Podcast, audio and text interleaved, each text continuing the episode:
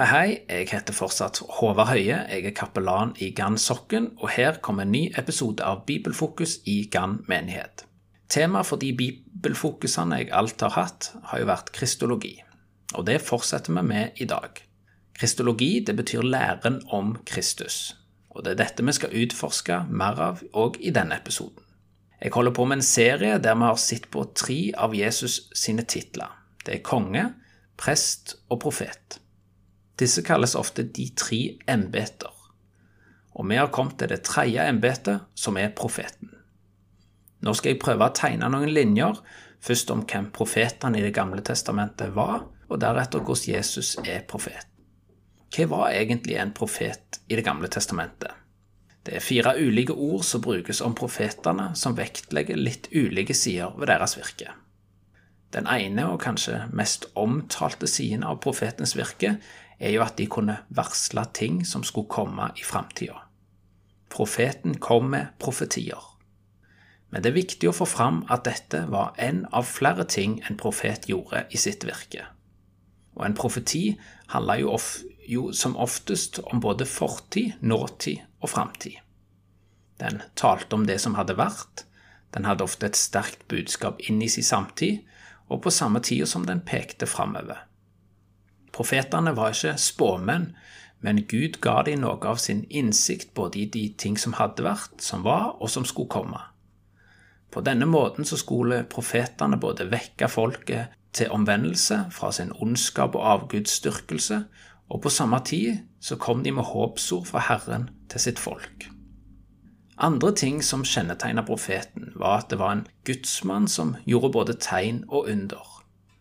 Profeten trengte ofte ikke å be Gud om å gjøre disse tegna, men profetene hadde fått en kraft og autoritet fra Gud til å gjøre det. Moses, Elia og Elisha er jo eksempler på profeter som gjorde mange tegn og under. På denne måten viste profetene at Gud var til stede blant sitt folk.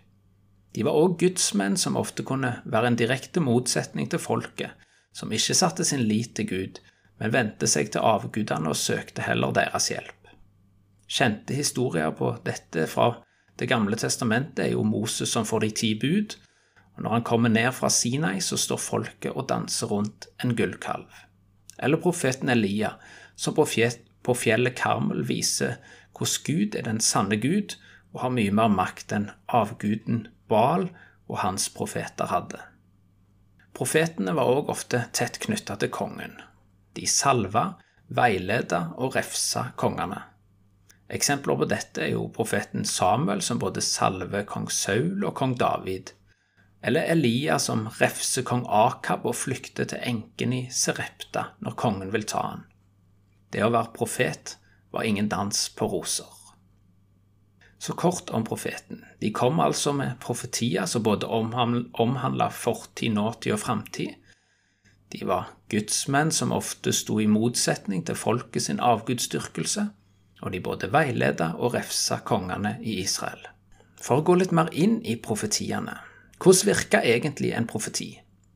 Et bilde som har vært beskrivende for meg, er bildet på Det gamle testamentet sine profetier som en fjellkjede, der vi i dag har fullt overblikk over denne fjellkjeden, for vi ser den i horisontperspektiv.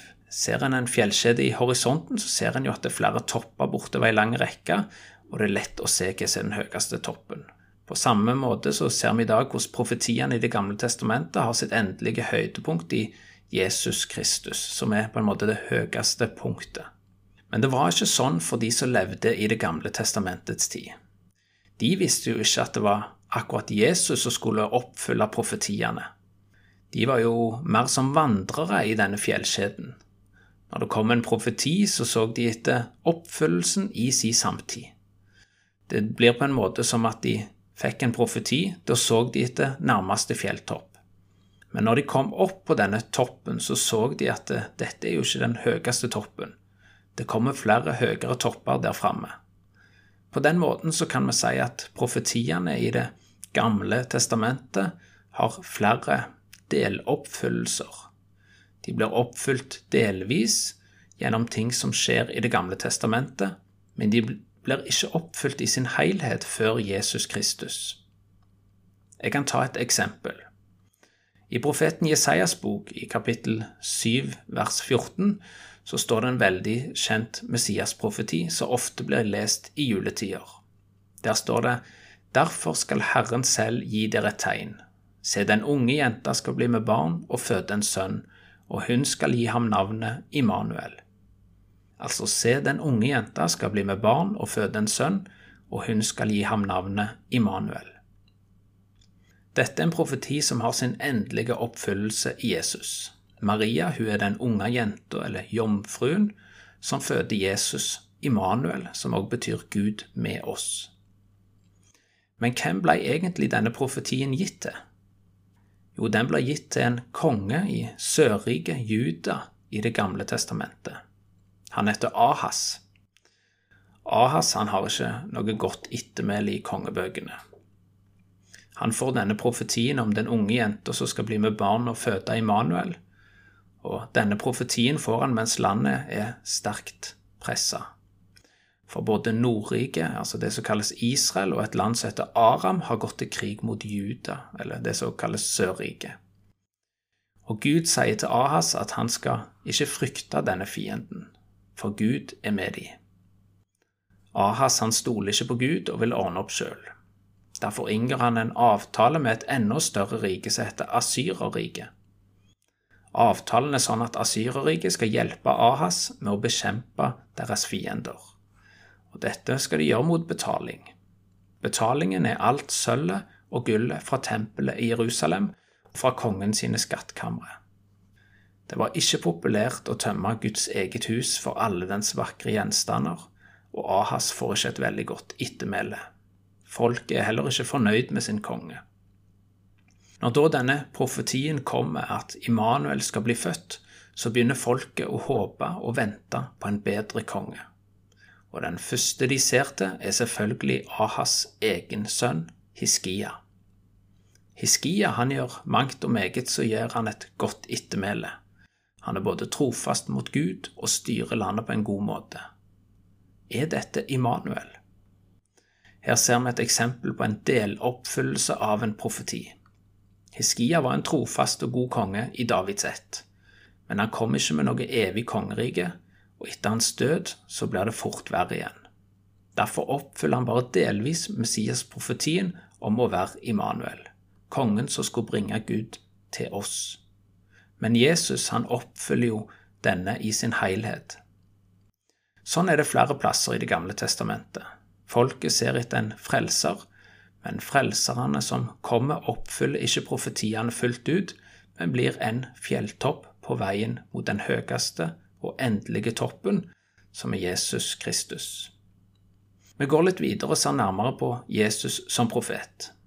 Venta folket på en profet på Jesu tid? Ja, det gjorde de. Det ser vi i evangeliene. For eksempel Johannesevangeliet, der er det noen som spør både Johannes døperen og Jesus er du den profeten som skal komme. Hva er egentlig bakgrunnen for disse profetforventningene?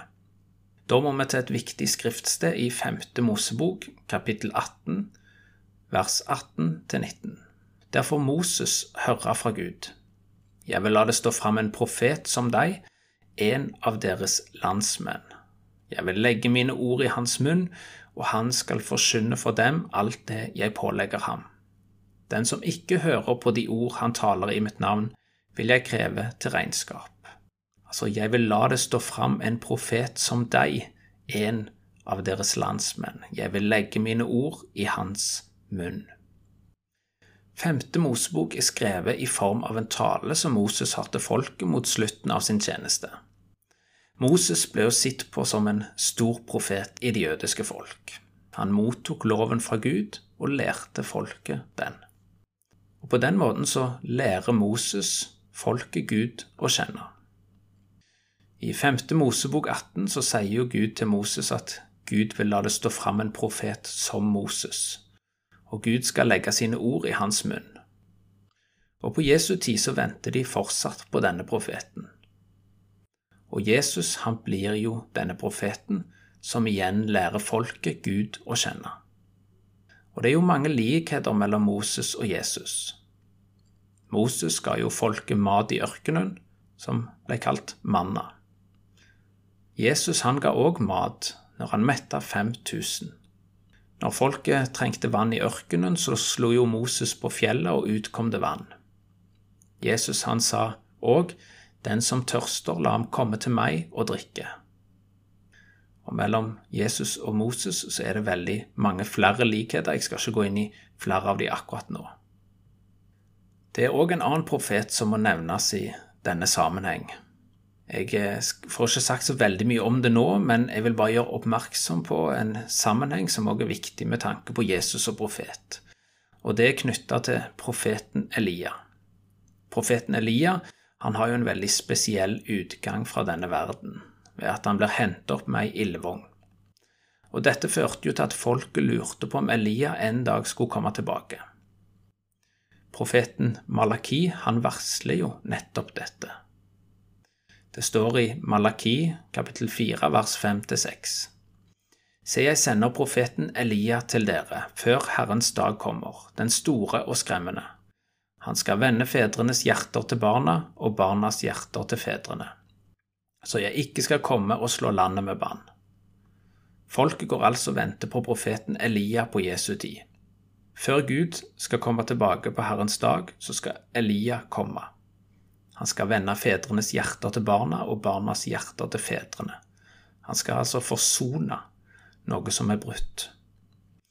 Og når Jesus henger på korset og sier Eli, Eli, lema sabachthani, som betyr Min Gud, min Gud, hvorfor har du forlatt meg? Da står det jo at det var noen ved korset som da sa, Han roper på Elia. Dette viser jo nettopp hvordan de venta på Elia på Jesu tid. Hvis, en, hvis dere sjøl leser eh, i Det nye testamentet, så vil dere se at Elia blir nevnt flere ganger. Og flere ganger når han nevnes, så er det jo denne her forventningen om at Elia skal komme tilbake, som ligger der. Jeg tror jeg stopper der. Jeg kunne sagt mye mer om dette med Elia. Eh, og jeg tror egentlig jeg kunne hatt en egen episode om Elia og Jesus, og en egen om Moses og Jesus. Så tida får vise om det kommer en om, om noen av de. Men det viktigste for meg er egentlig å gjøre oppmerksom på at disse sammenhengene finnes, så det går an å se etter dem når en leser i Bibelen sjøl. Sånne sammenhenger gir jo et enda rikere bilde av hvem Jesus er. Les gjerne sjøl 5. Mosebok kapittel 18. Eh, der står det litt mer om hva som kjennetegner en profet. Malakis bok vil jeg òg anbefale. Det er bare fire kapitler. Malaki betyr jo budbærer, og han er jo den siste profetboka i Det gamle testamentet og han peker jo òg fram mot Det nye testamentet. Da har jeg altså hatt tre episoder om de tre embeter. Jesus som kongen, presten og profeten. Kort oppsummert så er jo Jesus er kongen som har all makt i himmel og på jord. Han er presten som bærer fram det endelige offeret til Gud, som er han sjøl, og han er profeten som roper ut Guds vilje. Da tror jeg jeg avslutter der, i tida framover skal jeg prøve å få lagt litt flere podkaster innenfor samme tematikk. I kristologien er det jo mange titler jeg eh, ikke har vært innom i disse podkastene.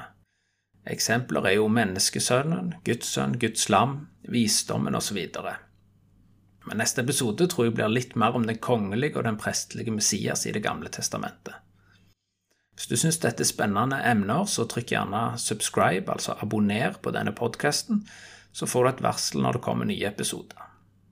Da sier jeg takk for følget for denne gang, og kjekt at du ville høre på.